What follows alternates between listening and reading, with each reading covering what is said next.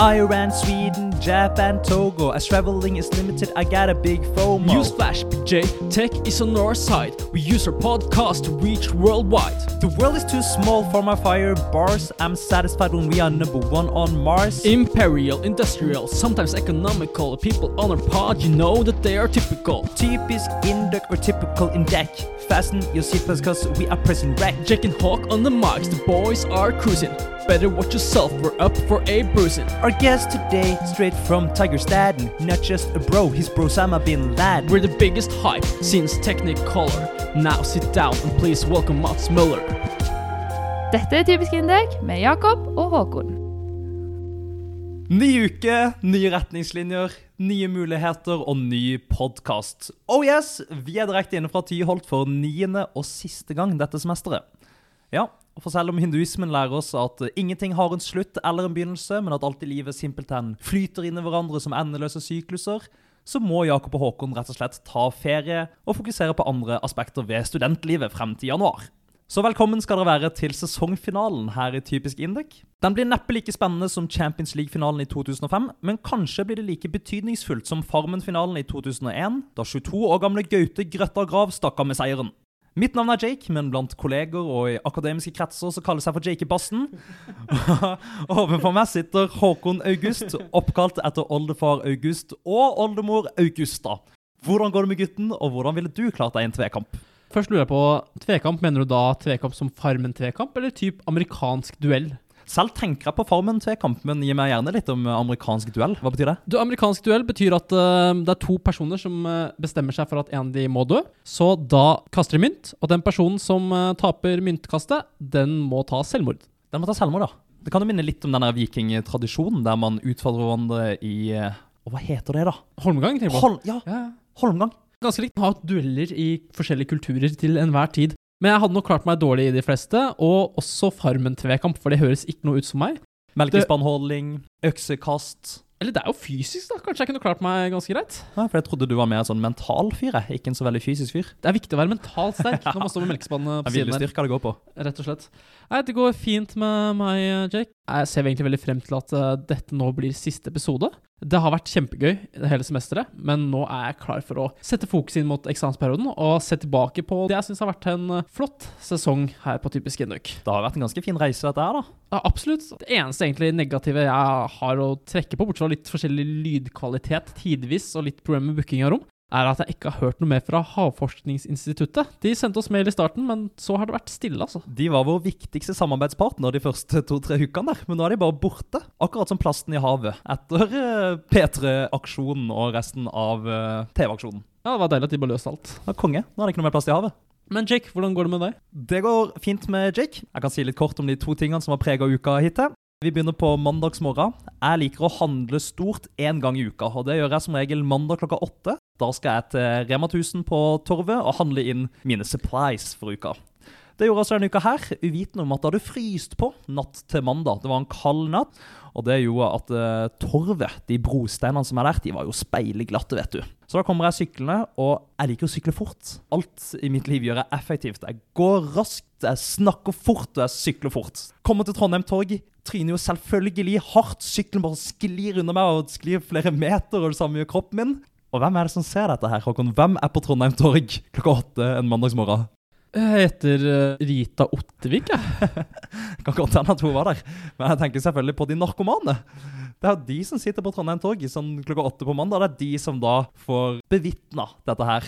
Og da sitter de og koser seg, og, og de er gode til å sykle, vet du, de narkomane. De er helt rå. Det er som eh, Rasmus Wold sier at eh, Jeg sier ikke at alle syklister er dopa, jeg sier bare at alle narkomane har en sykkel. Og det stemmer nok også i Trondheim, og nå har jeg også sett de med elektrisk sparkesykkel. De har ride-abonnement og skort på ride. I tillegg så leder jeg nå Fantasy-ligaen vi har i fjerde klasse. 380 poeng her. Så nå har jeg gått forbi store spillere som Anders Ganderud og Håkon Sveen, og også passerte Lise Amalie i første klasse. Så nå er det bare 235 000 som er bedre enn meg på verdensbasis. 275 000 over deg på verdensbasis. Det er dessverre ikke noe mer enn en decent start, men du leder jo ligaen, så det er jo så bra som du kan få gjort det, egentlig. Jeg er bare fornøyd så lenge du ikke stikker av med disse 10 000-lappene som du snakka om i siste episode. Ah, det skjønner jeg veldig godt. Men eh, du, jeg tror faktisk vi må spørre oss selv. Skal vi bli en sånn type podkast? En fantasy-podkast. Ja. Velkommen til Typisk fantasy. Her skal vi diskutere de heteste spillerne i Premier League uke for uke, og selvfølgelig ta en titt på de mest robuste fantasy-lagene der ute. Håkon, hvilke refleksjoner har du gjort deg før ukas runde? Noen capper nok Son eller Kane, ja, men det skal ikke jeg snakke om nå. Jeg skal reflektere om noe annet, og vi går inn i Håkons refleksjon. Og den var smooth! Vi gleder oss til Håkons refleksjon. I dagens refleksjon skal vi dessverre inn i valg og politikk. Ja ja, folk er møkka lei, men når denne episoden slippes på søndag, så er det bare to dager til valget i USA. Og da har jeg lyst til å bare slenge ut en liten prediksjon her. Jeg tror at Joe Biden vinner valget. Det er jo et 50-50-valg. Ikke så vanskelig å spå, og jeg begrunner dette egentlig kun med at det er bookmakernes favoritt. Man må følge markedet, så derfor tror jeg også at Biden vinner. Personlig mener jeg at USA uansett kommer til å være litt skakkjørt, uansett hvem som vinner av disse to. Jeg tror det blir bedre med Biden, men for å virkelig få dreisen på systemet der borte, så burde de jo skaffe seg to ting, egentlig. Og det er jo gratis utdannelse, det er nice, og så burde de avskaffe topartisystemet sitt. Og jeg synes topartisystemet er ufattelig fascinerende, sett fra vår høye hest her i Skandinavia. Ja da, det er jo flere kandidater, men man stemmer jo bare på enten-eller, stort sett for alle amerikanere. Og man er alltid enig med det partiets politikk, uansett, så man blir jo ofte født som f.eks. republikaner. Og sånn vil jeg ikke ha det i Norge, egentlig, men sånn er det tidvis i Norge òg. Jeg har f.eks. en kompis som konsekvent er enig med Høyres partipolitikk, fordi partiet mener det. Det partiet mente, det mener han òg. Det må dere fanken meg slutte med, alle der ute. Altfor mange ser på politiske partier på samme måte som de ser på fotballag. Dere heier på politiske partier. Og dette må dere slutte med. Eller så må vi slutte med demokratiet. Og hvem vil det? Det vil jo ingen. Så hvordan skal vi få bukt på dette? Så jeg har tenkt litt, og jeg har reflektert på en litt radikal idé som jeg mener man burde innføre over hele verden, men først og fremst i Norge og USA. Denne vil jeg høre så lenge det ikke er en høyreradikal idé. Det er bare en radikal idé generelt. Det går egentlig på burde alle få stemme? Nei, mener jeg. Oi, shit, nå er det snakker vi om en fascistisk høyreradikal idé her som uh, virkelig er uh, kontroversiell fra min side, Håkon.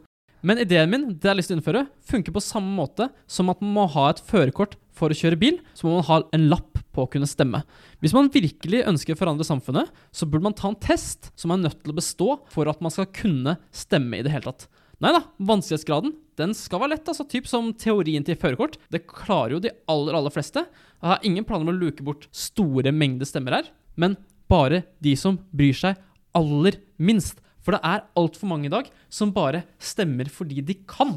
Og det syns jeg er provoserende. Mitt budskap til eh, Erna og gjengen der ute etter korona, når ting har roa seg litt ned, kanskje kan dere begynne å tenke litt der. Er det realistisk, tror du, i vår levetid at vi vil se noe sånn her? Det er jo et eh, sånt ekspertsamfunn du egentlig skisserer, da. Der det er litt færre som tar beslutninger, og så er det Nei, nei. de beslutningene basert på litt mer kompetanse og kunnskap. Absolutt ikke et ekspertsamfunn jeg sikter til her. Jeg vil bare sile vekk de som bryr seg aller minst, slik at det faktisk skal være en liten terskel for å gå og stemme. At det må være noe mer enn bare ta turen ned på biblioteket og levere en stemme. Slik at du stemmer bare ut fra ah, hvilke politikere syns jeg ser best ut på TV, gjør en best figur. Du må faktisk ha satt deg litt inn i hva disse partiene står for, da. Men det trenger ikke være mye. Bare en liten kneik. Ja, det, jeg syns det er en spennende tanke. Jeg liker disse ideene her. Man må ikke tro at vi sitter her i Norge, og her er det demokrati, og her skal alle bli med, og det er den beste modellen. Jeg syns det var kult i forrige ukes Sånn er Norge med Harald eh, Eia, der han snakka om eh, demokrati versus diktatur. Det er en grunn til at det går sabla bra med Kina om dagen, men de ideene og de mekanismene som styrer det samfunnet, de er ganske radikale sett med norske øyne. Jeg ville ikke levd i et sånt samfunn egentlig heller. Jeg er veldig glad for at jeg bor i Norge. Norge fungerer jo som bare rakkeren. Men akkurat i dag òg så er jo Norge et ekspertsamfunn. Altså Politiske valg blir jo tatt på bakgrunn av det politiske rådgivere og finansrådgivere mener. Det er jo eksperter som tar de store valgene i Norge.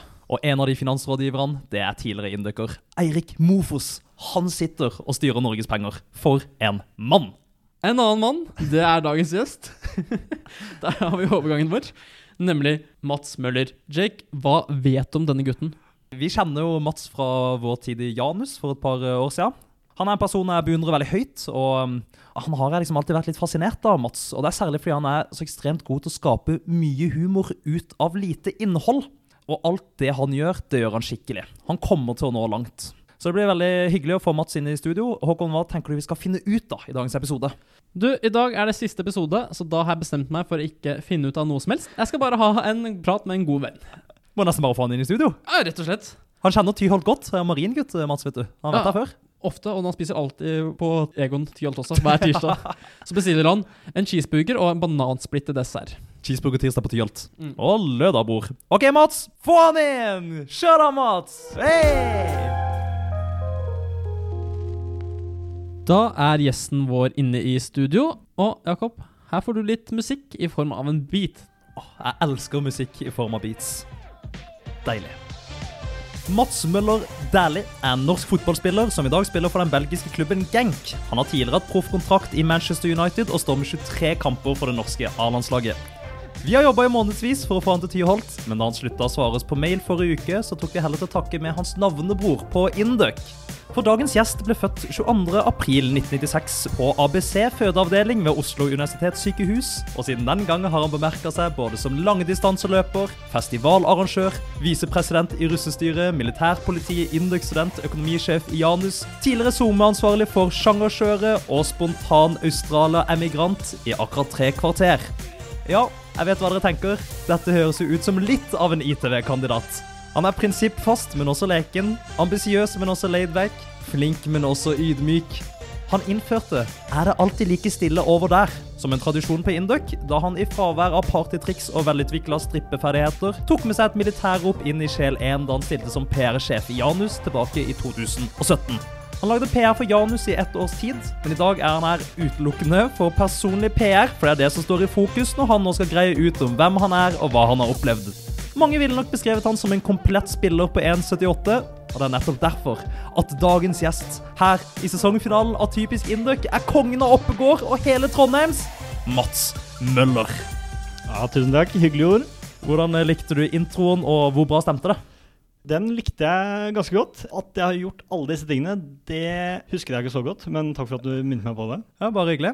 Hva er forholdet til Mats Møller Dæhlie? Han har jeg ikke så mye forhold til. Jeg har prøvd å kontakte ham på Instagram eh, en gang, men ikke fått noe respons. Nytta det ikke å si at dere har samme navn? Nei, det lå implisitt i brukernavnet, så jeg tror bare han, eh, han bare gadd ikke åpne meldingen. Kanskje han trodde at du var en falsk profil, altså en uoffisiell Mats Møller. Ja, det kan hende. Feilmargin på høyden, åssen er det der? 1,78 ikke for?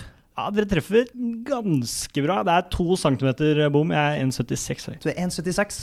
Ok, ja. Men du bærer høyden din veldig flott, Mats. Jeg skulle trodd du var 1,81. Oi, tusen takk. Å ja da. Du, hadde du en stilling i russestyret? Det hadde jeg, men eh, det var ikke nestleder. Hva er riktig, da? Riktig er vel eh, ja, terrorsjef, om det er politisk korrekt å si. Ja, det var det ikke på vår skole, så hos oss heter ablegøyesjef. Det er Jeg fikk ikke lov til å bruke terror, men ablegøye var greit. Ja, ja men det, det får være greit, det. Det kan du ha på CV-en din når du skal søke IS eller uh, Al-Nusra eller Al Qaida eller noen annen terror Ja, De vil gjerne ha terrororganisasjon. ablegøyesjefer. Jeg har tatt det det de er ute Jeg etter. har fått, jeg har fått avslag der. Du, Leste du Håkon sin anmeldelse av sjangasjøret, denne Instagram-kontoen som du administrerte på utveksling? Den leste jeg. Den var uh, strålende. Ja, jeg kan bare sitere den. Her står det Kanskje den mest varierte utvekslingsinstaen der ute, med dokumentasjon fra ferier, skole, fest og helt vanlig hverdag med hyppige posts og konseptuelle stories. Terningkast 10. Er pent? Terningkast 10, det er pent. Håkon, hva er en konseptuell story? Du, det er at man har de storyene som man fester på profilen sin, hvor man da har ting som Taco-tirsdag, eller man finner på et konsept, og så legger man ut stories knytta til det konseptet. Det er konseptuelle stories. Der har vi det. Du, Hva kan du si til alle lytterne som ønsker å se deg som ITV? Ja, Da må jeg dessverre skuffe dere. Jeg kommer ikke til å stille som ITV i år. IT-valget er jo nå 29. oktober. Har det kommet inn noen kandidater? vet du det? Kan vi stemme? Agnes Roll Mathisen stiller. Er det sant? Mm. Er det flere? Det er masse andre fra andre steder. Jeg har aldri sett det navnet før, jeg. men Agnes er det eneste jeg kjenner. på Det at du nevner Agnes nå, det kan være nok til at hun vinner, vet du. Valget er før vi slipper episoden. da. Da gratulerer jeg Agnes som ny ITV. Og så håper vi å se Mats Møller i en annen rolle, hvis det skulle åpne seg. Kjører du ATV? Det gjør jeg ikke. For en glede å ha deg i studio, Mats. Velkommen hit. Vi har sett fram til denne episoden lenge, både jeg og Jakob. For vi tre er jo egentlig ganske gode venner, særlig fra vår tid tilbake i Janus. Men dessverre så er vi travle mennesker alle tre, og har ikke sett hverandre så mye og har vært litt dårlige på å pleie vennskap. Du kan se på dette som en kompensasjon for at vi ikke har invitert deg til middag det semesteret her. Så hvilke følelser sitter du med akkurat nå? Akkurat nå er jeg veldig glad. Hyggelig at jeg ble invitert. Alltid hyggelig å møte gutta på Tyholt. Det er konge, for det er akkurat de følelsene vi er ute etter når vi nå skal inn i spalten 20 spørsmål. Mats, du kjenner reglene. Er du klar? Jeg er klar. Fullt navn, Mats Møller, alder, 24. Klassetrinn. 4. klasse. Teknologiretning. Marin teknikk. Fra hvilken by? Kolbotn. Sivil status. Singel. Se på her. Introvert eller ekstrovert? Jeg er nok eh, introvert. Vår første introvert. Jeg synes det er rart at du er introvert, Mats, men det stemmer vel det. Du kjenner deg selv best, som man sier. Introvert, men utadvendt. tror Ja, akkurat som Jake. Trenger tid alene. Rett og slett. Løpende verv. Ingen. Har du en jobb ved siden av studiet? Det har jeg. Jeg jobber i rekrutteringsgruppa til Induc. Og så jobber jeg litt sånn adhoc for Connect LNG, som jeg jobber for i sommer. Da du var liten, hva ønsket du å bli når du ble stor? Sauebonde. Nei, det tror jeg ikke på. Jo, det er helt sant. Det finnes jo ikke en sau i Nordre Follo kommune. Det, det tror jeg du har helt rett i, men uh, sau, altså favorittdyret mitt, og drømmen var å kjøpe en bondegård og drifte den da, med masse sauer. Men du vil ikke bli gjeter? Altså Sauebonde er det du ville bli? Sauebonde, ja. Stor forskjell. Det er viktig at du skiller de to. Hva er din stilling til uh, ulvedebatten, da? Siden du elsker sauer, må du hate ulven intenst? Nei, altså den saueelskingen den gikk over på et tidspunkt, så nå elsker jeg ulv. så shouta til ulv. Det hender sånn at du får besøk av ulv i hagen hjemme i Helverum. Ja, det har vært på trampolina vår en gang. er det sant? Backflip. Landet med stil. Mats, hva hadde du studert om Indek ikke fantes? Da hadde jeg nok studert siviløkonom eller marinteknikk. Ok. På NHH, eller skal vi til København, eller eh, Jeg vil ikke name-droppe NHH, men eh, ja, det hadde nok blitt NHH, ja. Topp to hobbyer? Trening og kødding. Trening og kødding. Er du glad i sånne ing-ord? Uh, ingen kommentar. Da spør jeg deg. Antall gir på sykkelen. Uh, null. Jeg tror ikke jeg har sykkel. Du tror ikke du har sykkel? Nei, det er mulig det står en sykkel eh, hjemme på Kolbotn, men her i Trondheim har jeg aldri hatt sykkel. Hvor mange gir er på den? da? 21? Ja, det er nok i hvert fall 21. Hvis du ikke vet hvor mange gir du har på sykkelen, vet du da hvor mange gjester du hadde i konfirmasjonen din? Nei da, det skal du slippe å svare på. Håkon, du skal stå for de kreative spørsmålene.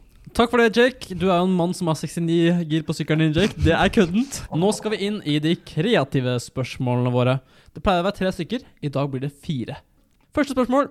På mandag kom det nye koronatiltak, og ett av de er jo at det maks er lov med tre eksterne på Esteem-kontoret. Mitt spørsmål til deg, Mats. Har det gått for langt? Nå har det gått for langt. Hvor skal jeg nå gjøre av meg eh, i lunsjen, lurer jeg på. Neste spørsmål. Mats, søstera di spiller jo på Lansen type ungdom.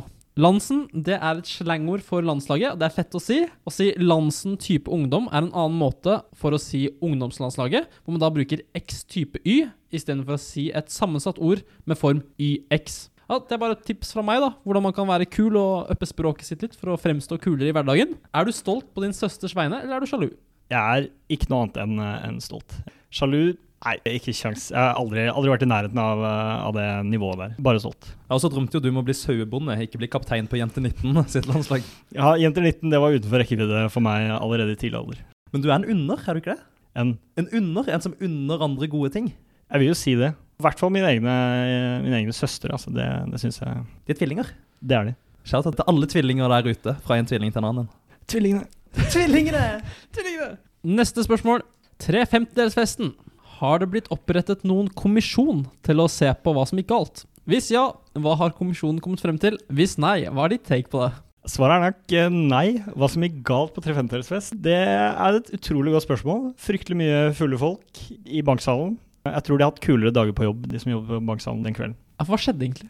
Nei, det som er altså, Jeg tror de fikk nok, rett og slett. Det skal litt til eh, når du skal passe på smittevern og den slags, men jeg tror bare Mange som ikke hadde sett hverandre på fryktelig lenge, mange som ble fryktelig fulle, så på et tidspunkt så sa de bare nå, nå må dere hjem. Det er ikke en lett tid å ha tre femtedelsfest i heller. Men kan du ikke si litt om konseptet? Det var tema for festen. Ja, eh, konseptet var bryllup. Det var Sjur og Siv som skulle gifte seg. Og så hadde alle som hadde meldt seg på, alle 100, hadde fått hver sin rolle. da. Jeg var vel meksikansk fetter, av alle ting, som, eh, som hadde kommet, eh, kommet fra Mexico. Så jeg Mexico var, er jo fetterens land. så, som man sier. Jeg var oppe på scenen og holdt et dikt på spansk. Er det sant? Ja, folk har fortalt meg det. Folk har fortalt deg det, ja. ja. Var du frimeldt, eller hadde du skrevet ned på en lapp? Jeg hadde skrevet det på en lapp, men jeg klarte å rive i stykker den lappen rett før jeg skulle på scenen. Så det ble første linja av diktet, og så ble det bare tull. Da går vi videre til uh, siste spørsmål. Ja, i denne episoden blir det fire spørsmål. Dere hørte akkurat alarmen min ringe, og vet du hva slags alarm det er? Det er fordi det snart er vinter, og da er det pudderalarmen som går. Da skal jeg stå på randonee i nydelig puddersnø. Mats, gleder du deg til pudderalarmen går? Nei, det gjør jeg ikke.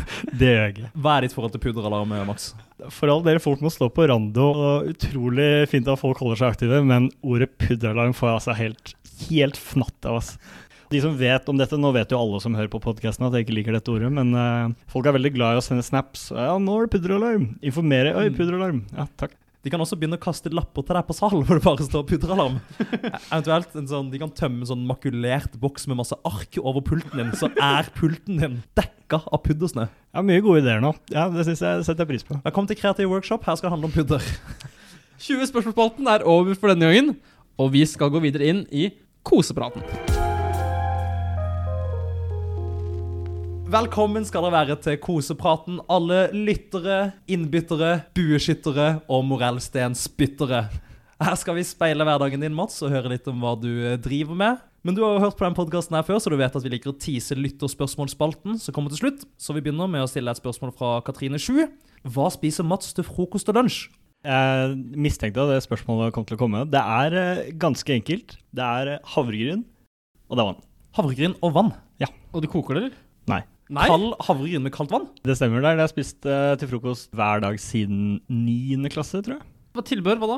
Eh, Innimellom så bruker jeg, bruker jeg syltetøy. Jeg har fått voldsomt mye kritikk for dette før òg, men jeg, jeg står for det. For det er utrolig enkelt, og morgenen er ikke så mottagelig for så mye mat. Men det gir meg den næringen jeg trenger. Det høres ut som kostholdet til en mann uten selvrespekt. Havregryn og kaldt vann? Det høres ut som en mann som er i fengsel, rett og slett. Det er det sjukeste jeg har hørt. Men hvorfor har du ikke melk i? Jeg tåler ikke melk. Det Så løsningsorientert. Havregryn skal han ha! Altså, jeg spiste, med, jeg spiste melk en periode. Det ble så dårlig, jeg fikk så vondt i magen. Skjønte ikke hvorfor jeg hadde vondt i magen. Jo, kanskje det er halvliteren melk som jeg får i meg enten drikker eller i havregrøten om morgenen. Da. Når oppdaga du at du var laktoseintolerant? Det oppdaga jeg vel i VG2, tror jeg. Oi, det er sent. Ja, for jeg var det da jeg var liten, og så vokste jeg det av meg. Og så fikk jeg det igjen omtrent på videregående, da jeg begynte å drikke mer melk. da. Du framprovoserte det, akkurat som Håkon framprovoserte sine aspergers. Det var også, det var også borte ganske store deler av oppveksten. Jeg yppa med laktosen og tapte. Men eh, ok, samme frokost hver dag. Det høres ut som et vanemenneske. Har du flere vaner, Mats? Om jeg har flere vaner? Er jeg ganske Jeg står opp og legger meg omtrent uh, samme tidspunkt hver dag. Hvilke tidspunkt snakker vi? Prøver å stå opp klokka ti over syv og legger meg uh, omtrent ti over elleve. Ok, Hvorfor disse ti over klokkeslettene? Åtte timer. Hvorfor ikke syv og 11? For det er jo åtte timer mellom ti over elleve og ti over syv. Men det er altså åtte timer mellom 11 og syv? Ja, Ti over er bedre. Jeg skjønner, Men Wilhelm, din gode venn, ja, nesten rim der. Hun har sagt at du spiser middag i hangaren hver eneste dag. Det er også riktig. Men hvis vi nå husker på hva jeg spiser til frokost, og hva jeg stort sett spiser til lunsj, koster det fryktelig lite. Da kan jeg ta meg råd til å spise i hangaren. Dette her kunne jeg lagt ut om i det, det lange og det brede, men enhetsprisen for en middag i hangaren ja, den er høyere enn om du kjøper på butikken og spiser restene til lunsj dagen etter. Men jeg tenker veldig mye på hvordan jeg bruker tiden min, så jeg sparer tid. Jeg slipper å dra på butikken, jeg slipper å dra hjem og lage middagen og vaske opp og alt dette her. Det er en avveining jeg har tatt. da. Det har jeg gjort i hele høst, og gjorde det stort sett hele andre klasse også. Og som vi sier her i podkasten, tid er penger. Hva er du mest fornøyd med blant menyen hos eh, hangaren? Hva er du liker best? Er det tacotirsdag? Er det julematen? Jeg er en tilhenger av uh, tacotirsdagene. Det er noe eget når alle samles i, i hangaren. Hva med helgene? Hva gjør du da? Ja, da lager jeg middag. Og jeg har laget middag før. Jeg lagde jo middag hele første klasse og har jo bodd alene før òg. Jeg kan lage mat. Han lagde middag selv helt til han eh, fant ut at han var laktoseintolerant og ikke kunne havregryn til middag. Mats, fortell oss om din perfekte taco.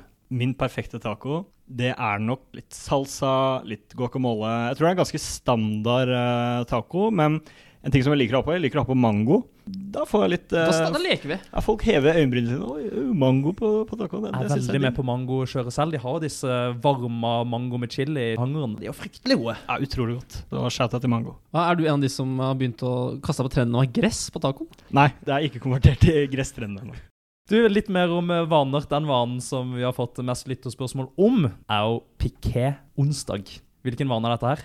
Det er eh, noe vi begynte med egentlig i første klasse. Da var det bare meg, Markus Jansen, Viktor Mathisen og Jonis som fant ut at nei, vi som går uh, Indok Marin, eller i hvert fall fire av oss, da, vi skal bruke piké hver eneste onsdag. Jeg tror jeg har brukt piké hver eneste onsdag. Jeg har aldri glemt det siden vi begynte med dette. da. Og så har vi etter hvert utvidet. og Nå er det enda flere som går marin, som bruker piké på onsdager. da. Av de nye førsteklassingene som går marin, er de med på piké-onsdagskjøret? Ja, men så, Nå har plutselig de også slengt seg på kjøret, så da, da går kjøret. Vurderer dere andre dager også, som mokasinmandag eller frakkefredag? Køddes mye med den slags, men eh, nei, det er bare Piquet Onsdag. Den er, den er hellig. Men driver dere fortsatt og dokumenterer at dere går i piké hver onsdag? Ja, det er en Facebook-gruppe ja, hvor, eh, hvor man legger ut selfie. Da er det Piqué-kontroll, og da må man legge ut selfie av seg selv med piké. Gjerne med en gjenstand, da, altså man ikke kan gjenbruke selfies. Sånn, ja, legge ut bilde av dere selv med et viskelær. Har det hendt at noen av dere har leid inn en eh, billettkontrollør til å komme og si Da er det piké-kontroll på Tyholt? Ja, det gjør vi hele tiden. Hvor mange pikéer har du, Mads Møller? Jeg har tre pikéer. Handler det om mote, identitet eller bransje? Hva er det dere prøver å få fram liksom, med dette konseptet her? Eller er det bare liksom, et konsept for samholdets skyld? Jeg, jeg tror nok bare er for, for samholdets skyld, og spesielt eh, ja, for køddingens skyld òg. For det, er- ja, å, det er de som går marine, ja, de bruker piké på onsdager. Du er ikke redd for at dere blir en sånn subgruppe i klassen? da? At folk ikke vil henge med piké-gutta? Ja, Men det er det ingen som vil uansett. Så det går fint. Så den er grei. Det, det går helt fint. Du, jeg tenker bare å spørre deg rett ut. Hvordan går det med deg om dagen, da? Det går bra om dagen. Det er, eh, begynner å dra seg til eh, litt nå. Det er prosjektarbeid både her og der, men går bra med, går bra med meg. Hva er det du bruker tida på når du ikke driver med fag på skolen? Jeg eh, trener eller eh, Kødder? Du har din topp to ja. hobbyer, Mine topp to hobbyer. Nei, jeg henger med venner, rett og slett. Ingen spesifikke, som, som jeg sa. Det er ingen verv akkurat nå. Men du har dette rekrutteringsansvaret. Hva innebærer det? Ja, Du har ansvar for sosiale medier, dette her, men så er det også åpen dag, skolebesøk og den slags. da. Nå har det vært lite av det i høst, uh, av åpenbare årsaker. Så det har stort sett bare vært Facebook og svare på mails. Det kommer mye spørsmål fra studenter som har lyst til å bytte inn til Induc, eller som har lyst til å begynne på Induc, eh, eller som går på Induc òg, som har spørsmål om ja, studieløp og, og den slags. da. Dere har oppdatert de sidene med intervjuer denne høsten her, og tatt intervjuer av mange nye mennesker. Uh, Men sidene er ikke helt oppdatert ennå. Nei, sånn, Hvis jeg forstår det riktig, da, så kommer disse intervjuene ut på Facebook. Det er jo intervjuer dere gjør av Induc-studenter. Du har jo f.eks. intervjua Håkon, kan snakke litt om det. Men disse intervjuene de ligger ikke inne på eh, NTNU sin Induc-side. Der kan man f.eks. lese om eh, Magnus Arveng, førsteklassing osv. Ada Lea på toppen der. Hvorfor er ikke intervjuet til Håkon på den lista? Jeg skal si, Det har blitt lagt til eh, prosessering. Det er oppover i systemet, men disse intervjuene er klare og ja, skal egentlig bare trøkkes ut. Byråkratiet tar tid, rett og slett. Det er en grunn til at det heter byråkratid. Terning to-vits fra meg der. Men jeg har et spørsmål til deg. Jeg ble valgt ut til å bli intervjuet, og da lurer jeg på hvorfor. Hvorfor meg? Lille meg? Jeg er en likandes kar, da. Har drevet med mye, mye forskjellig. Og så spesielt i høst så har du jo drevet med Ja, hva har du ikke drevet med i høst? Det er revy, og det er podkast, og ja, litt av en litt av en type. Han har kanskje ikke bidratt så bra på vennefronten. Han har ikke stått, han har ikke stått opp for venner som har trengt det, kan du si. Ja, Men det spør vi ikke om heller, så det, det går helt fint. Mats, du er god til å løpe. Hvordan går det med løpinga? Akkurat nå går det litt trått på løpefronten. Jeg har gjerne perioder, altså på våren og om sommeren så løper jeg mye. Og det er så lei når høsten kommer, så det er en liten pause. da. Trekker jeg inn i varmen og trener styrke istedenfor. Jeg prøvde å finne deg på Strava, men eh, ingen treff på Mats Møller. Kun dansker ved navn Mads Møller. Hvorfor er du ikke på Strava? Det har jeg også fått spørsmål om før, men for meg så er det at løpingen den skal bare være, skal være helt naturlig. Og jeg skal bare kjenne hvordan føles kroppen i dag. Jeg føler meg ganske bra. Da løper jeg litt lengre, jeg løper litt kortere, eller alt etter sånn. da. Jeg syns Strava det blir så innmari hypa opp, da. Og folk skal liksom tracke og Nei, for, for meg er løpinga bare kos, da. Jeg er enig, jeg, jeg syns ikke løping skal være en konkurranse. Men det er mange som trenger litt ekstern motivasjon, litt sånn press utenfra. Det er med på at man tar det valget. da. Ja, jeg går ut og løper nå, fordi da får jeg et nytt innlegg på Strava. Jeg skjønner at folk tenker sånn. Og når man først er ute og løper, ja shit, det her klokkes jo på Strava, kanskje jeg skal løpe litt fortere, litt lenger. Så blir det bedre trening ut av det. Du ser liksom motivasjonen da, for å ha det. Ja, for meg er kanskje indre motivasjon viktigere enn ytre motivasjon. Håkon, du sier du syns ikke løping skal være konkurranse. Hva tror du, hva tror du Karsten Warholm syns om dette? Ja, Det syns jeg er helt feil. Jeg synes Maraton, Ingebrigtsen-brødrene, alt dette, få det vekk. Jeg er sterk motstander. Pleier aktivt å stå med plakat. Nei til løping som konkurranseform. Mats, i femte etasje så er det nå sofaer i loungen foran eh, lesesalen. Har du hengt mye der, eller? Det har blitt litt henging der. Jeg var jo med å bære disse sofaene opp fra øya. Det var litt av en tur. Hvem var det som eh, var primus motor for det å kjøpe og hente sofaer? Det var Katrine gikk i bresjen og kjøpte sofaene, og så var det, det var en liten gjeng som gikk ned og bar opp sofaene. Hvem er det som henger der mye? Jeg ser Vilde der ofte, jeg ser eh, Agnes sitter der ofte, Øyvind, Magnus Ja, det er en gjeng som henger mye på sofaene. Gøy at du nevner Agnes, fordi det er jo et kjent ordtak 'Agnes i senga'. Nå må det hete Agnes i sofaen i stedet. Og det er faktisk også det samme baklengs. Agnes i Det Det er høres kanskje ikke sånn ut, men det er det. Jeg og Jake har også båret sofaer i høst, til egen leilighet dog. Vi er veldig glad i å flippe sofaer og flippe senger. Det konseptet vil da si at man henter da en gratis seng eller en gratis sofa på Finn, og så selger man til mye dyrere pris da, og tjener masse penger. Stor margininntekt. Hvordan er marginene i bransjen om dagen? De er jo svære. Vi henter gratis ting og selger det. Det er en, altså en avanse der som er ganske rå. Det siste året så har vi kanskje solgt fem senger og tre sofaer. Ja, Det sistnevnte seng jeg solgte nå, fikk gratis. Solgte for 1000 blank. Og det syke her, ingen skatt. Og ingen merverdiavgift. Ingenting. Jeg har hørt Skatteetaten høre på den podkasten her, så nå sliter dere. Ja, Og det gjør ikke Havforskningsinstituttet, og det er vi så lei oss for at de har slutta å høre på oss. Mats, husker du når vi var i Janus-styret? Så hadde vi møte hver mandag, og etter et to timers møte så var det ett kvarters køddekontor. Det var en tradisjon vi hadde et helt år. Kan ikke du si litt om din rolle på det køddekontoret? Ja, min rolle på køddekontoret, eller køddekvarteret, det var vel primært kødding. Men jeg var ofte den som starta køddekvarteret med denne roperten som ligger på Janus-kontoret, og ule i gang alarmen og si ja, da er det køddekvarter. Når jeg lukker øynene og tenker på Mats Møller, så ser jeg deg med den roboten. Har du sett noe til den siden, eller?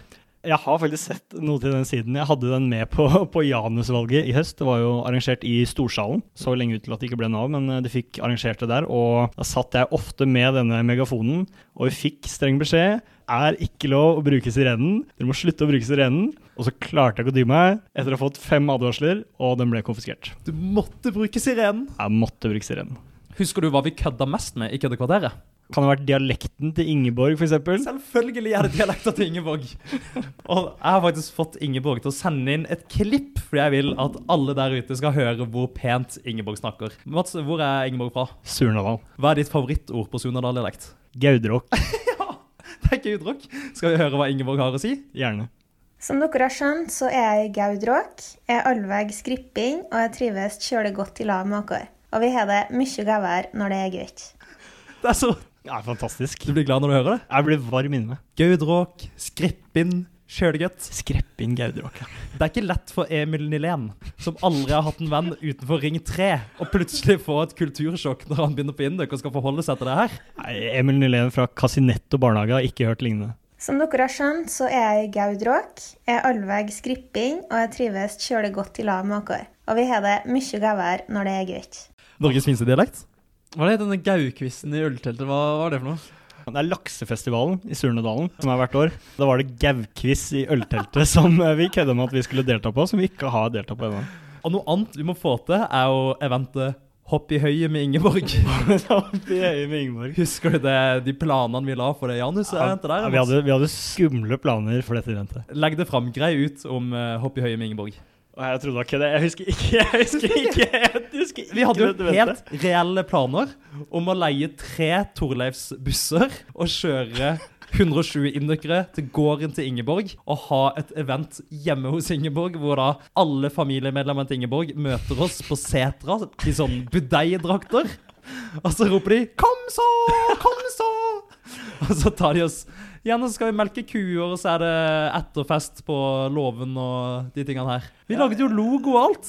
Oppi høyet med Ingeborg. Okay, Ja, det demrer. Det, det kan ha vært noe der. altså. Jeg, jeg trodde dette var tull. Vi snakka om det. vi om Det Det var det vi hadde fra kosepraten, Mats. Nå skal Håkon ta deg med inn i Shanghai og Hå-hjørnet. Velkommen til Håkons Shanghai og H-hjørne. Dette er en ukentlig spalte hvor vi snakker om hvordan det er å være utvekslingsstudent i Shanghai. Jeg har hørt at det er et kjør. Et Shangha-kjør. Mats, du var jo på utveksling i Shanghai. Hvordan var det? Ja, det var et kjør. Det var et geithelvete av et kjør, skal jeg si det. Vi kan starte med det grunnleggende. Hvorfor dro du dit i det hele tatt? Alltid vært veldig fascinert av Kina og av kinesisk språk og kultur. Så jeg tror jeg har hatt en tanke om det ganske lenge, at det er noe jeg har lyst til å oppleve. Så er det sånn at det er gjerne, i hvert fall historisk sett, vært to universiteter som har kriga om å være best når det kommer til marinteknikk. da. Og Tyholt NTNU har jo lenge vært på topp, så har det blitt forbipassert av et universitet, og det er i Shanghai. Og da tenkte jeg ja, Shanghai, verdens største shippinghavn, må komme seg dit. Men selv om de er verdens beste universitet på marinteknikk, så er de kanskje ikke verdens beste universitet på kommunikasjon. Jeg har hørt noen rykter om at det var et lite geitehelvete, for å sitere deg. Det stemmer. Det er jo ingen fra Induc som har vært der før. Det er noen få fra marinteknikk, men det er ikke så stor overlapp på fagene vi har som de har. da. De går i fjerde klasse når de drar på utveksling, f.eks. Da var det å finne alt fra scratch og kontakte alle man kunne tenke seg, og rett og slett banke på dører oppe på Tyholt og høre om noen hadde noen forbindelser. Du bygde en fagplan fra scratch? Rett og slett. Det er ikke og bygde en PC fra scratch på sida også. Men hvordan var bosituasjonen din når du kom dit? Markus eh, Jansen og jeg, vi bodde på en bitte liten eh, Ja, hva skal jeg kalle det? Det var ett rom på kanskje et sted mellom seks og åtte kvadratmeter. Men det var jo fryktelig billig da. Var det på campus eller privat? Ja, det var dorms på campus, så vi bodde på en internasjonal dorm. Sina hun bodde også på en internasjonal dorm, men den var akkurat pussa opp, så den var jo kjempefin. Så vi bodde på en ordentlig shitty dorm. Og der hadde det f.eks. aldri vært vaska. Vi fant jo et førerkort som hadde gått ut liksom i 2014 bak den ene senga da vi skulle vaske mens vi flytta inn. Ingen vaska der noensinne? Ingen som bodde der før eller vaska der? Å jo, det er folk som har bodd der hvert eneste år, men det er bare folk gidder ikke å vaske. Det var noe vi fant bak det ene skapet. Det var noen sånne der eh, reklameposter for, eh, for Sudan. Det var ganske spesielt. Vi er veldig glad i Sudan i podkasten. Jeg trodde ikke vi skulle klare å rote oss bort til Sudan, men her er vi. Det er ingen vei utenom. Alle veier fører til Sudan, som sier Afrika. Det er mange veier til Sudan. Men hvordan er det med internett? Det er jo noe man snakker ofte om når man snakker om Kina. At eh, det er ikke alltid like lett å gå på Facebook og bruke Snapchat og diverse. Bruker ulike VPN-løsninger. Men uh, f.eks. NRK var jo sperra.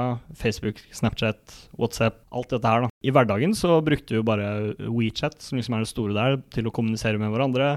Vi hadde jo kinesiske bankkontoer, så alt av betaling gikk jo egentlig Det gikk egentlig helt fint, da. Jeg skjønner veldig godt at de eh, sperrer NRK i Kina. Altså. Hadde de latt det være tilgjengelig for en allmenn kineser, Det hadde blitt revolusjon. social unrest. Hva er Shanghai? Fungerer det selvstendig, eller er det en provins? Er det en eh, by? Shanghai er en eh, by, ja. Det er vel eh, Kinas ja, Litt avhengig av definisjonen største, nest største by, da. Det er Chongqing kanskje er hakket større. Ja, men den definisjonen de har på by som ligger på Wikipedia, er jeg veldig uenig i, for da har de jo faktisk bystørrelse på 32 000 kvadratkilometer, og det er for stort for å være by, mener jeg da. Hvor mange innbyggere i Shanghai? Det er vel omtrent 23-24 millioner innbyggere, tror jeg. Dere var jo i Shanghai en stund. Kan du fortelle noe som skjedde der? Hva gjorde dere når dere bodde der? Eh, Vi var veldig opptatt av å gjøre mest mulig ut av eh, oppholdet. Men det var fryktelig mye skolearbeid. Ukedagene så var det sitte på biblioteket gjerne sånn fra, fra åtte om morgenen til åtte-ni om kvelden. Mandag til eh, torsdag. Og så var vi opptatt av at okay, helgene skal vi kunne bruke på å være i byen eller reise. Så ja, vi visste jo aldri at det kom til å bli kun et halvt år. Men jeg tror alle sitter igjen med etter det halvåret og tenker at vet du hva, vi, vi maksa ut den tiden vi hadde der uansett. Så ja, det går fint. For etter et halvt år så skjer det noe som får konsekvenser for Shanghai, og så etter hvert hele verden. Hva skjedde? Det var et visst virus som med navn ikke skal nevnes, men eh, nei, det var et virus. Voldemort-viruset. Voldemort-viruset. Ja, ja, det stemmer. Det var um, Jeg var på backpacking. Eller Første gang jeg hørte om det, var Det hadde vel fortsatt eh, skole, tror jeg. Det ble vel først kjent på nyttårsaften, men eh, vi hadde skole fram til 13. januar, da. Så vi hørte om det var et virus, men det ble undersolgt veldig, og dette var ikke noe å bekymre seg for, da. Så reiste jeg vel på backpacking og skulle møte noen kompiser som var på utveksling i Brisbane, og skulle møte de i Vietnam. Og så går det vel et par dager, og så er det fullstendig lockdown i Kina. Da. Og jeg har jo alle tingene mine liggende i Kina. Så det blir til at denne backpacking-turen brukes eh, på å søke skole i Australia og søke visum til Australia. Og jeg klarer liksom akkurat å få alt godkjent, sånn at jeg får reist til Australia når jeg da ikke kan returnere til Kina. Måtte du ringe Tove fra Vietnam? Tove ble ringt eh, både fra Vietnam og fra Filippinene og det som er. Hun har vært en helt. Ja, altså Da ble det slutt på Kina-eventyret, og så dro du til Australia. Ja, stemmer. Da hadde en, en av gutta nede i Brisbane flytta ut til jul, så da var det plass til meg. Så da var det samme gjengen som var på backpacking, som plutselig var kollektiv. Kom du skikkelig i gang i Australia, eller ble det egentlig bare en ferie og så hjem litt før det hadde begynt? Ja, fikk vel en drøy måned der nede, så jeg vet ikke. Det var kanskje en, mer en forlengelse av ferien, og så var det etter den måneden vi kom hjem til Norge at eh, ja, da begynte skolen. da. Du rakk ikke å få australsk aksent på engelsken, f.eks.? No mate. Men du lærte deg slengen? Oh yes, very much. Men disse tingene du måtte reise fra, hva er ståa med de nå? Ligger de fortsatt der? Nei, det tok vel et halvt år og mye fram og tilbake og krangling. Og så var det vel på omtrent deadline day, hvor de sier nå, hvis ikke de tingene forsvinner fra rommet ditt nå, da ser du det aldri igjen. Så jeg klarte liksom å, få nyss om at noen drev og pakka ting, og som kunne sende det. da. Vi hadde jo ingen garantier i det hele tatt. Men jeg skrev også en, eh, et brev at ok, jeg godkjenner at denne personen pakker alle tingene mine og sender det. da. Så det ble sendt med DHL, og ja, et halvt år seinere så var det hjemme på Kolbotn. Nå har du fått det. Jeg har fått det. I like god stand? Alt var der. Absolutt alt var der. I tillegg til det førerkortet fra 2014. Det var der også, selvfølgelig. Var det noen piker her som kunne gå tapt på veien? Ja, Det hadde jo nesten vært det verste. Men jeg hadde heldigvis, og selvfølgelig med meg en piké på backpacking, så jeg gikk aldri uten piké. Men det jeg kom til å tenke på noe, Mats. Du dro ut fra Kina rett før det smalt. Var det du som tok med deg viruset til Vietnam? Det ønsker jeg ikke uttale meg om. Fordi Kina overvåker deg fortsatt. Det vet man aldri. Vietnam har klart seg veldig bra ifølge koronastatistikk. Kun 35 døde. Men jeg lurer på en annen ting. Fordi En ting jeg husker som du fortalte meg, som jeg synes var veldig morsomt, er hvordan det var å være ute på byen i Shanghai som hvit nordmann. Ja, Det er noe av det villeste. Altså, noe av det jeg kanskje blir mest overraska over, er ja, rett og slett utelivet i Shanghai. Da. Du trenger ikke å være hvit nordmann for å få disse godene, men så lenge du er utlending, da, så er det sånn at det er veldig få kinesere egentlig som drikker, som drar ut på byen. Men det er veldig mange rike, nyrike kinesere som liker å menge seg liksom, på utesteder og liksom, være med i byscenen. Så utestedene har skjønt at ok, hvis utlendingene kommer hit og de drikker gratis, da vet vi at de rike kineserne kommer også, fordi de har lyst til å henge med utlendinger. da. Så da var det rett og slett sånn at vi kunne ha en hel kveld hvor du drakk gratis. da. Øl eller sprit eller vin eller Påspandert av klubben eller av disse nyrike Nei, kineserne av- som kommer og sitter på sida av deg? av klubben. Det var en helt, helt sprø følelse, og det var veldig kult i starten. Men så ble man litt lei etter hvert, for man skjønte at nå er vi egentlig på utstilling da, for disse menneskene. Så det er utrolig mye annet å oppleve også, og man trenger liksom ikke å dra på de, de hardeste nattklubbene. Det skjer altså så sinnssykt mye i den byen, så det må oppleves, rett og slett. Jeg har hørt noen rykter om at dere vant en volleyballcup på universitetet i Shanghai. Hvordan skjedde dette? Den volleyballcupen, ja, stemmer. Ja, det var egentlig et initiativ fra den ene studentforeningen der. Markus og jeg vi tenkte ja, dette er bare sosialt eh, tiltak. Kult, vi blir med å spille volleyball. Jeg hadde ikke vært ute dagen før, da. dette var på en søndag. Markus hadde vært eh, ute på en opptaksfest med fotballag. Han møtte opp rimelig trang i hjelmen. Og vi tenker at ja, ja, dette blir bare sånn vennskapelig spill. da. Så viser det seg at to av de vi har på laget, har spilt på landslagene i Polen og Iran. Og det er bare ekstremt seriøst allerede på oppvarmingen. Her har vi egentlig ingenting å gjøre. Her må vi bare prøve å ikke bli gjennomskuet, da. Og det er jo ikke lett når Markus eh, er såpass åpenbart eh, trang i hjelmen. Jeg skal jo si her at mange av de spørsmålene som har kommet inn, er fra lyttere som hører på. Markus Bjørkli Jansen og Nils Gunnar Abrahamsen spesielt har bidratt bra til den spalten her. Fra Markus. Oktoberfest. Skjøgga en liter øl oppå et bord. Hva skjedde etterpå? Det gjorde jeg. Hva som skjedde etterpå Skal ikke si at det har noen sammenheng, men jeg ble frastjålet telefonen. Jeg eh, var på politistasjonen og prøvde å anmelde dette forholdet. Hadde fått med meg en tilfeldig liksom, guide fra gata. Vi tilbrakte natta liksom, på diverse surveillance-sentre, i politibil fram og tilbake, men den telefonen var dessverre ikke å finne. Du dro ikke dit dagen etter altså for å anmelde, du, du dro det rett etter at uh, den én liters ølen var chugga, og du skulle kose deg på fest. Det, det stemmer. Jeg ble, ble brått edru. Fant ut at det her må jeg bare ta tak i med en gang. Men ja, jeg var innom dagen etterpå, og det må ha vært omtrent eneste blindsonen i Shanghai hvor det ikke var overvåkningskameraer. Så ingen så hva som hadde skjedd. Kan du bare ha mistet den, eller vet du at han ble stjålet? Jeg vet ikke. Jeg, jeg vet jeg gikk liksom gjennom en, en gjeng som sto veldig sånn oppstilt, sto veldig trangt, da. Så jeg tipper den bare ble nappa ut av en stor lomme. Men uh, umulig å si. Ta en. Jeg var i Barcelona for et par år siden. Trodde at min mobil ble stjålet da jeg var på Beach Festival med 60 000 stykk. Anmeldte det på politistasjonen dagen etter. Fikk melding tre år senere på et nummer som hadde registrert via Finn min iPhone. Hei, telefonen din er funnet på stranda i Barcelona. Tre år hadde han ligget og kost seg under sanda i Barcelona, og funka fantastisk. Nei. Men uh, vi tar med et spørsmål til. Siste spørsmål.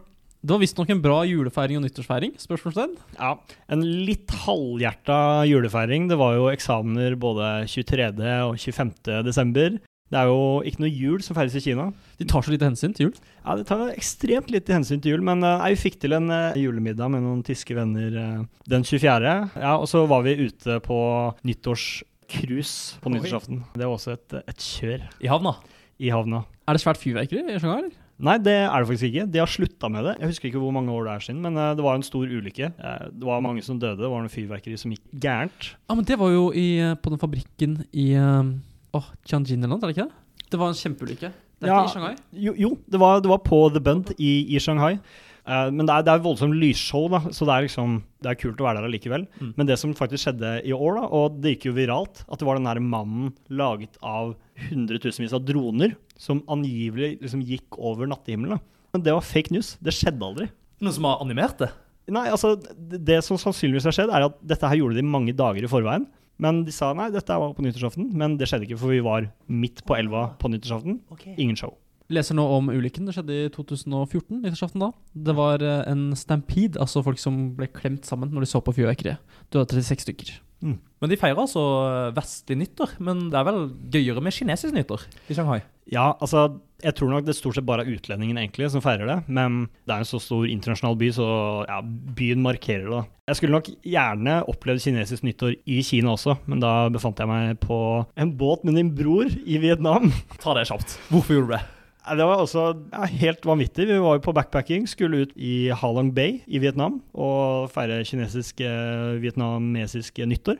Plutselig inn på bussen kommer broren til Jake og hans kjæreste, som da er søsteren til Øyvind Asplin. Ja, Så det er sjukt at du møter min bror, men det er nesten enda sjukere at Øyvind møter sin søster tilfeldigvis på andre sida av jorda. Ja, det er en ganske vanvittig coincidence. Og dere skulle på samme båt, og på den båten var det akkurat elleve gjester. Ja, det stemmer. Det var vel oss eh, seks gutta, og så var det de to og to par til. Så jeg tipper de syntes det var sånn passe gøy. Jonas syns dere var så flinke. Han diskuterte bitcoins med Adrian Skjæran. Vi hadde en sen kveld oppå der hvor vi diskuterte livet og litt av hvert, så det kan ha vært noe bitcoin eh, oppi det hele. Det var alt vi hadde fra Håkons Shanghai og H-hjørne. Nå skal vi videre inn i Induc-praten. Velkommen, velkommen til Induc-spalten. I dag har vi prata om veldig mye allerede, så Induc-praten blir litt kort. Mats, hva er typisk Induc for deg? Jeg har tenkt litt på det, og jeg tror det er så mye forskjellige folk som går på Indøk, men den ene tingen jeg tror alle har til felles, det er at alle har en liten jævel inni seg. En liten jævel inni seg. Folk kan være introverte, de kan være ekstroverte, de kan være laidback, de kan være frampå, men alle har litt den indre driven, da. Den indre jævelen. Så det tror jeg er typisk Induc. Men Får man den på Induc, eller har man med seg den hjemmefra? Er det derfor man velger Induc og søkes hit? Tror nok eh, mange har det fra før av, men hvis ikke man har det fra før av, så tror jeg man får det.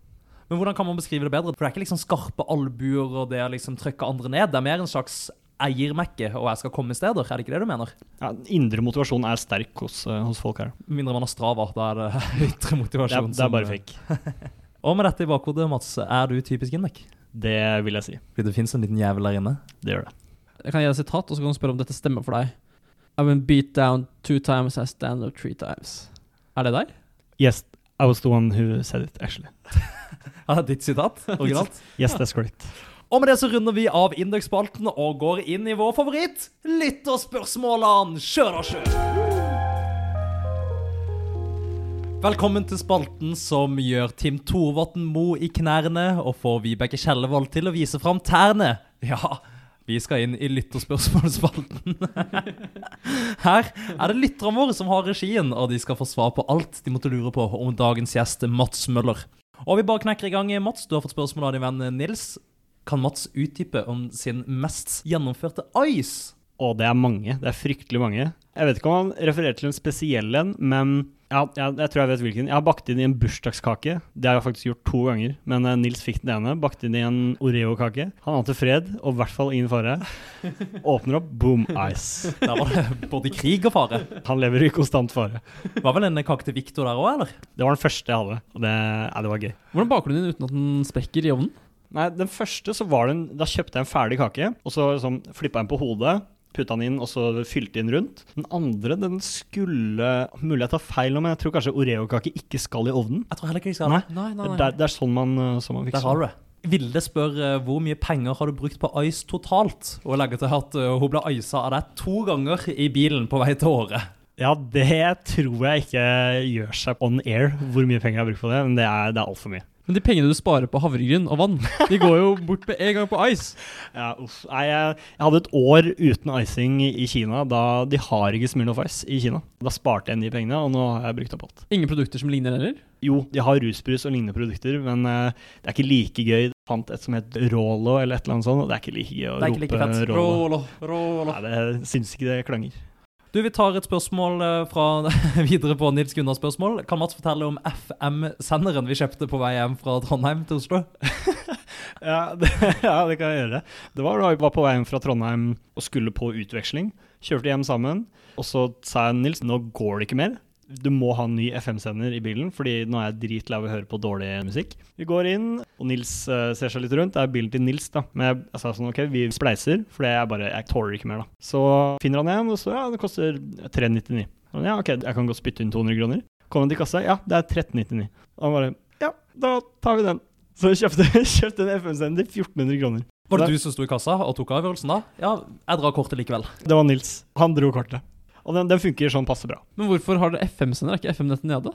Nei, du kan vel fortsatt bruke noen frekvenser på FM-nettet til å spille liksom Du kobler på Bluetooth, og så spiller du din egen musikk da, i bilen. FM-nettet spiller ikke kommersielt lenger, men det går vel fortsatt an å tune seg inn på enkelte frekvenser, da, så det er ikke helt borte. Og det du skulle. Du skulle ikke fange opp signal som ble sendt fra Surnadal lokalradio. Du Nei. skulle spille din egen musikk. Min egen musikk. Så telefonen lager frekvensen som gjør at den da spiller det samme som er på din telefon? Akkurat hvordan det tekniske funker, er jeg litt eh, usikker på, men ja, det er, det er vel basically det. Akkurat det tekniske diskuterte de i Kyb sin podkast forrige uke, så dere kan sjekke ut den.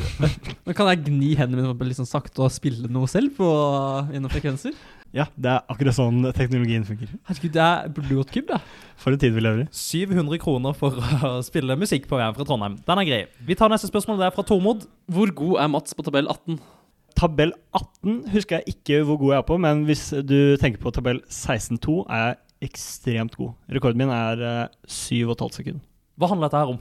Dette er en skytetabell. altså Forsvaret har en del skytetabeller som de bruker for å trene opp eh, vernepliktige soldater. Da. Så jobber du deg rett og slett opp fra tabell 1, som vel er å ligge på en matte og skyte fire ganger i en skive på 30 meter. da. Så går det oppover, oppover, oppover, og vanskelighetsgraden blir større og større. da. Og 16.2 er liksom beryktet. Den brukes som eksamenstabell på befalsskolen. Hva med tabell 1000? Den var vanskelig. Tabell 1000 den er dritvanskelig. Er favoritten din Håkon tabell 69? ja da, er så mitt snitt.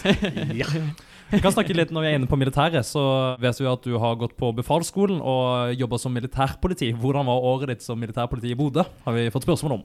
Året mitt som eh, militærpoliti i Bodø var eh, veldig interessant. Det var veldig kult å jobbe som militærpoliti, men å jobbe som militærpoliti i Bodø det var ganske, ganske stille, egentlig. Jeg bodde vel på en eh, vanlig liksom, befalskaserne. Plass til kanskje 50 sersjanter.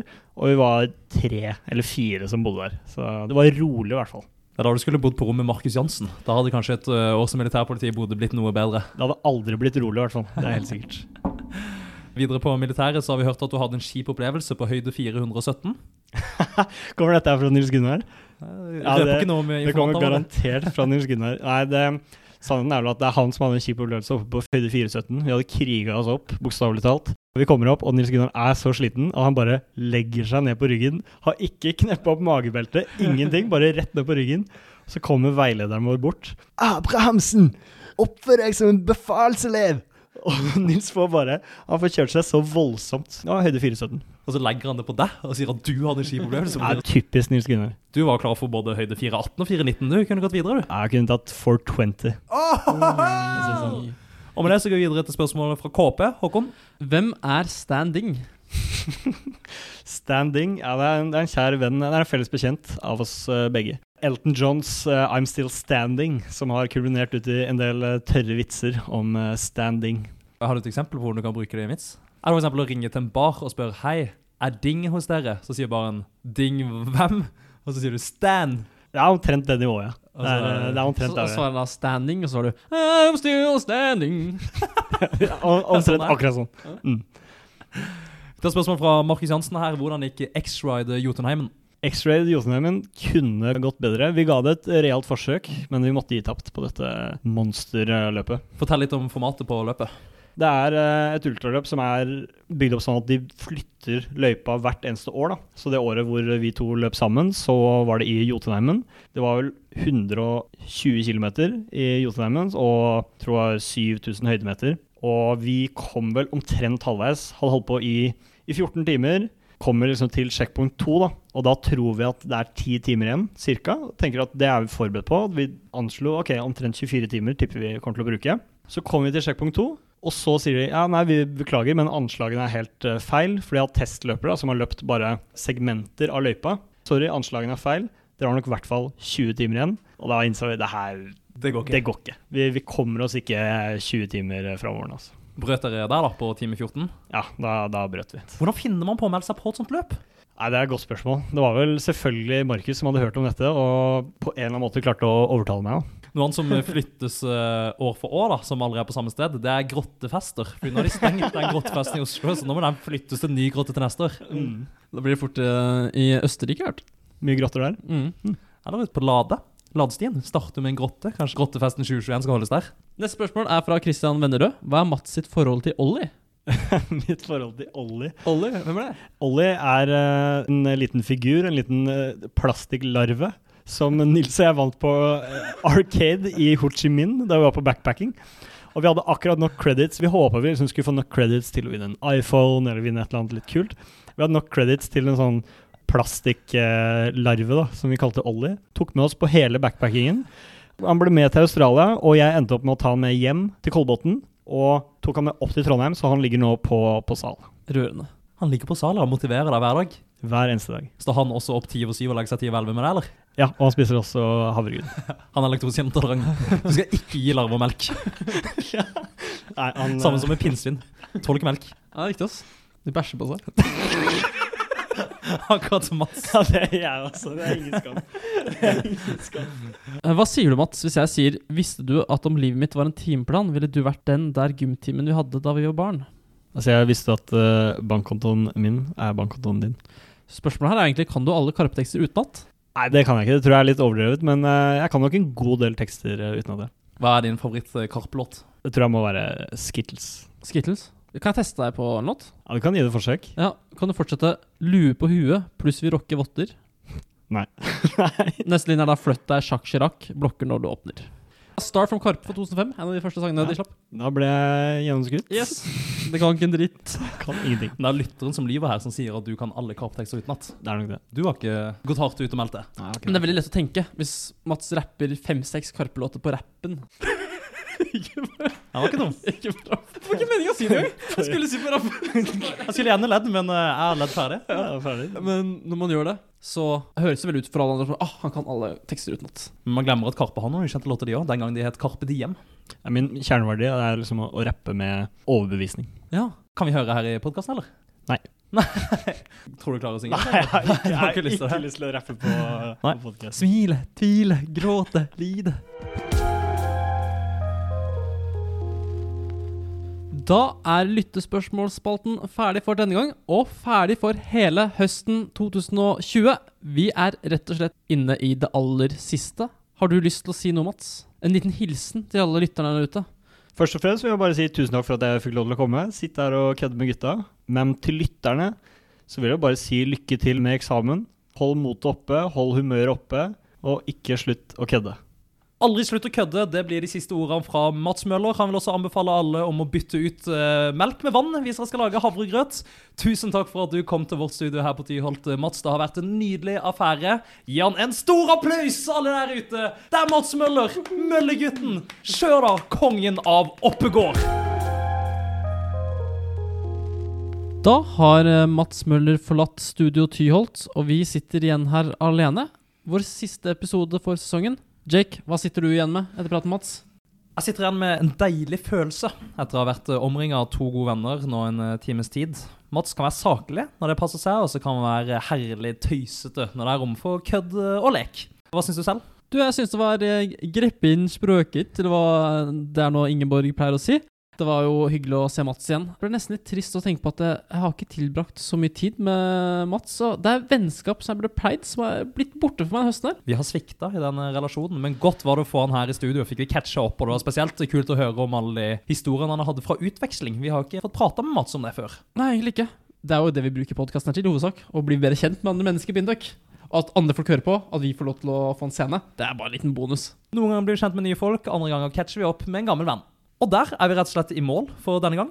Vi starta som eh, to stykk usikre podkastverter med besøk av Anders Danielsen i august. Og vi avslutter nå som eh, to stykk angstfylte podkastverter med besøk av Mats Møller i eh, november. Tusen takk til alle som har støttet oss i høst med ros, konstruktive innspill og masse deilige lyttespørsmål. Det er alltid sinnssykt hyggelig når folk kommer bort til oss på sal og forteller oss at de virkelig satte pris på forrige episode.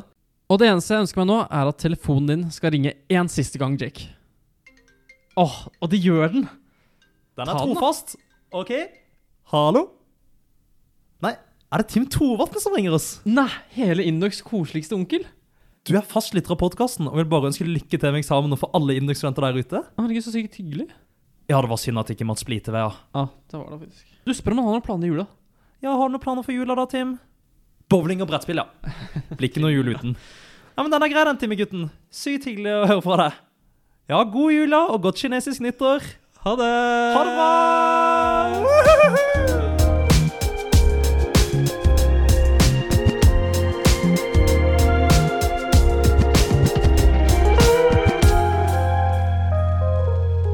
Tror du Jesus kommer tilbake i jula? Hvor alle heltene? Stå opp igjen, Jesus kommer tilbake.